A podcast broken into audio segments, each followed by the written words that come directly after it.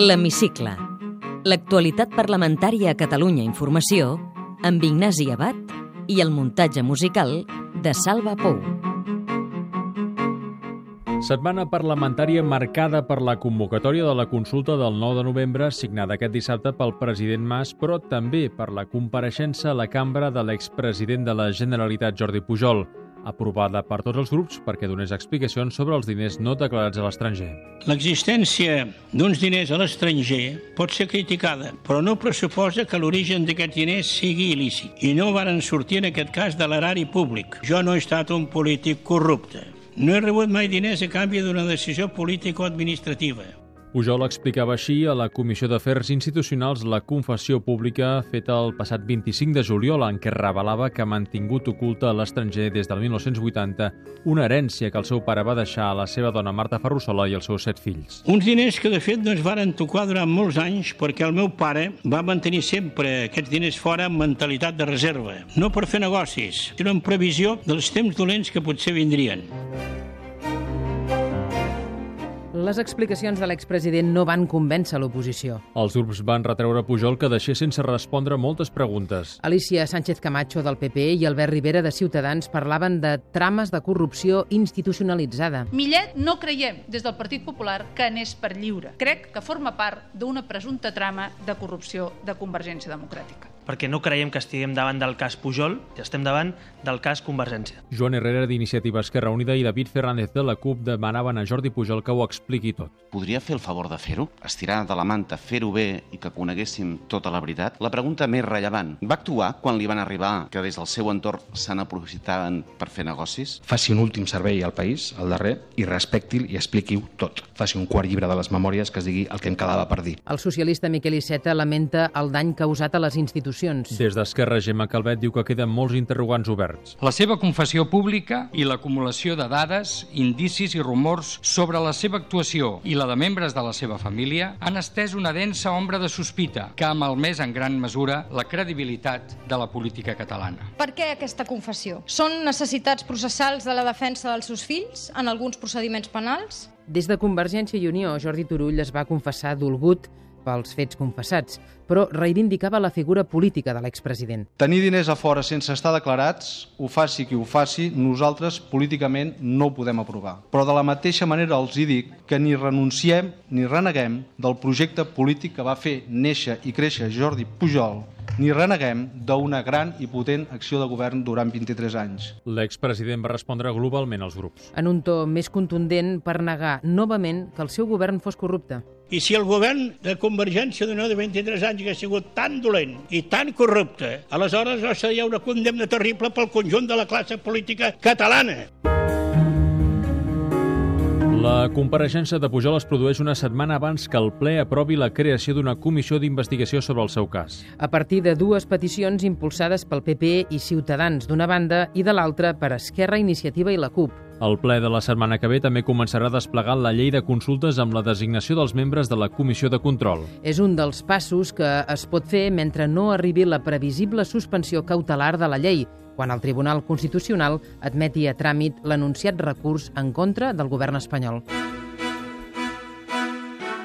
I amb el pols a l'estat obert per la convocatòria del 9-N, el Parlament debatrà la setmana que ve l'oportunitat d'obrir una reforma constitucional. El PSC porta al ple una proposta perquè es creï al Congrés una comissió d'experts que prepari canvis a la Constitució espanyola que millorin singularment el funcionament de l'estat autonòmic. El portaveu socialista Maurici Lucena augura suports no previstos. En circumstàncies normals, la proposta que nosaltres plantegem, per la suavitat amb la que està plantejada, per la crida al consens que fa la pròpia Constitució creació de la comissió d'experts hauria de suscitar un ampli consens. I potser aquest consens serà més difícil d'assolir abans del 9 de novembre, però jo no descarto sorpreses. Convergència i Unió i Esquerra Republicana deixen clar que ho tombaran. Sentim Jordi Turull i Oriol Amorós. Com que nosaltres estem en una altra lògica, en una altra òrbita, i el senyor Luceno ho sap perfectament, per tant ja li aviso que el nostre vot serà no. No tenim cap confiança en un procés de reforma constitucional, només creiem en posar el futur dels catalans en mans dels catalans.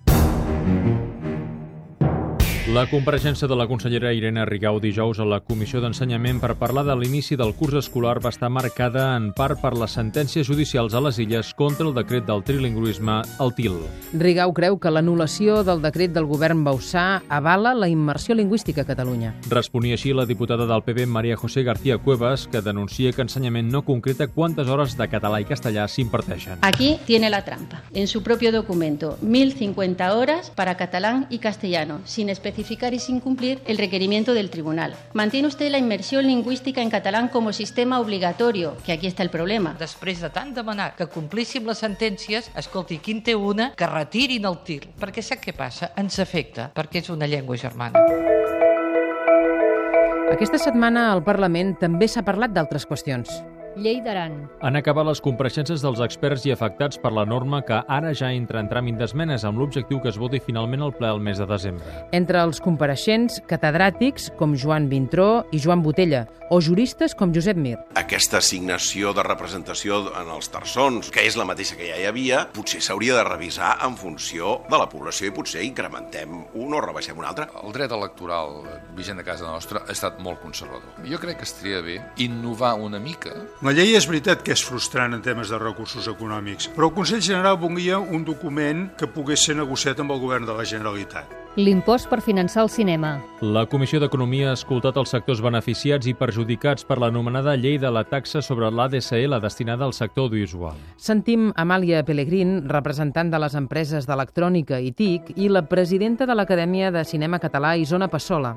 Este sector soporta una carga fiscal muy elevada, a mayor incremento de cargas, menores recursos hay disponibles para la inversión y como consecuencia baja la competitividad. Les operadores aleguen que els seus ingressos han caigut i que això afectarà la seva competitivitat. Algú dubta del futur que té la banda ampla en termes de negoci? També aleguen que fan un esforç fiscal superior a altres països europeus, però també són de tota Europa les que cobren més els usuaris de l'estat espanyol. Reforma reforma horària. Representants d'empresaris i treballadors han opinat a la comissió d'estudi. Camil Ros, de la UGT, i Javier Ibars, de Foment, coincideixen en la necessitat de potenciar la jornada flexible. Cal aprofundir-ho des dels principis de la conciliació del benestar, que el poder treballar menys està demostrat que a vegades es treballa millor, els índexs de productivitat de moltes empreses així ho demostren. La jornada intensiva i les fórmules de borses horàries, flexibilitat d'entrada i sortida, beneficia a la productivitat de l'empresa i dels treballadors i jo crec crec que és la línia per on hem d'anar.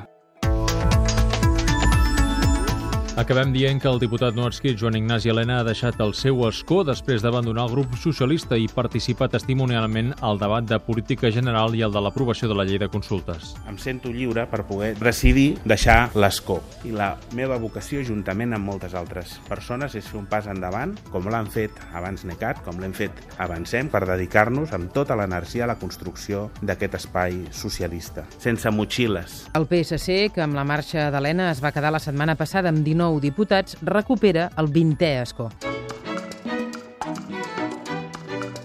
Té la paraula Inés Arrimadas, diputada de Ciutadans al Parlament de Catalunya. en una frase. Senyora Inés Arrimadas, vol que Catalunya esdevingui un estat? No. La consulta del 9 de novembre es portarà a terme? Jo espero que no. En quin moment polític creu que Catalunya es trobarà a finals d'any? Si res no canvia, seguirem en un moment d'incertesa política i econòmica. Com acabarà el procés català? A quin procés es refereix? El sobiranista. Jo espero que acabi amb un moment de convivència i amb una miqueta de seny i de sentit comú. Hi haurà eleccions anticipades? Crec que és la millor sortida que té el govern de- d'Artur Mas. Estaria per un referèndum de monarquia o república? Si es guanya el Congrés dels Diputats amb la majoria necessària, sí, però jo crec que no és el principal problema d'aquest país. Què li sembla, Felip VI? Una persona preparada per assumir la responsabilitat de cap d'estat, però hauria de fer moltes reformes a la monarquia. Què l'indigna més? La corrupció. Quin sentiment té cap a l'expresident Pujol després de revelar aquests diners no declarats a l'estranger? Un frau moral i polític. Quina lliçó en treu d'aquest cas? Que no hi ha ningú que pugui donar lliçons lliçons morals si no té un comportament moral. Ha cobrat o pagat mai en negre?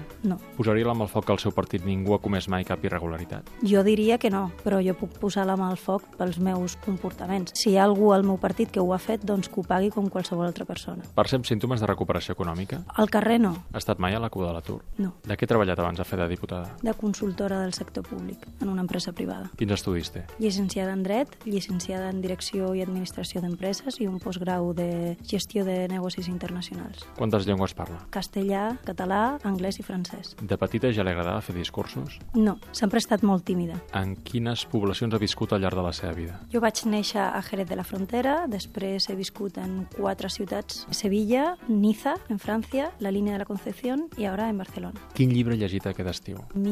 1984, l'he rellegit perquè penso que està de rabiosa actualitat, malauradament. Quin art li agrada més? L'impressionisme. M'agrada molt Van Gogh i l'obra Noche Estelata, La Noche Estelada. Té algun hobby amagat? M'agrada molt viatjar i fer esport, Digui'm un plat que li surt molt bé. les llenties. Com reparteixen les feines domèstiques a casa? Visc sola ara, doncs el repartiment és molt senzill, tot per mi. Quina és la cosa que l'omple més? Estar amb la meva família. Creu en l'amor a primera vista? No, Amb quin sex símbol compartiria una estona? amb George Clooney. Quin diputat d'un altre grup fitxaria pel seu ideologia a banda? Roger Montanyola. Quan acaba un ple del Parlament, com desconnecta quan torna cap a casa? Normalment els diputats de Ciutadans anem a fer una copa, una cervesa per aquí al Born, o si no, doncs anar a córrer una estoneta o fer esport. Senyora Inés Arrimadas, moltes gràcies. Gràcies a tu.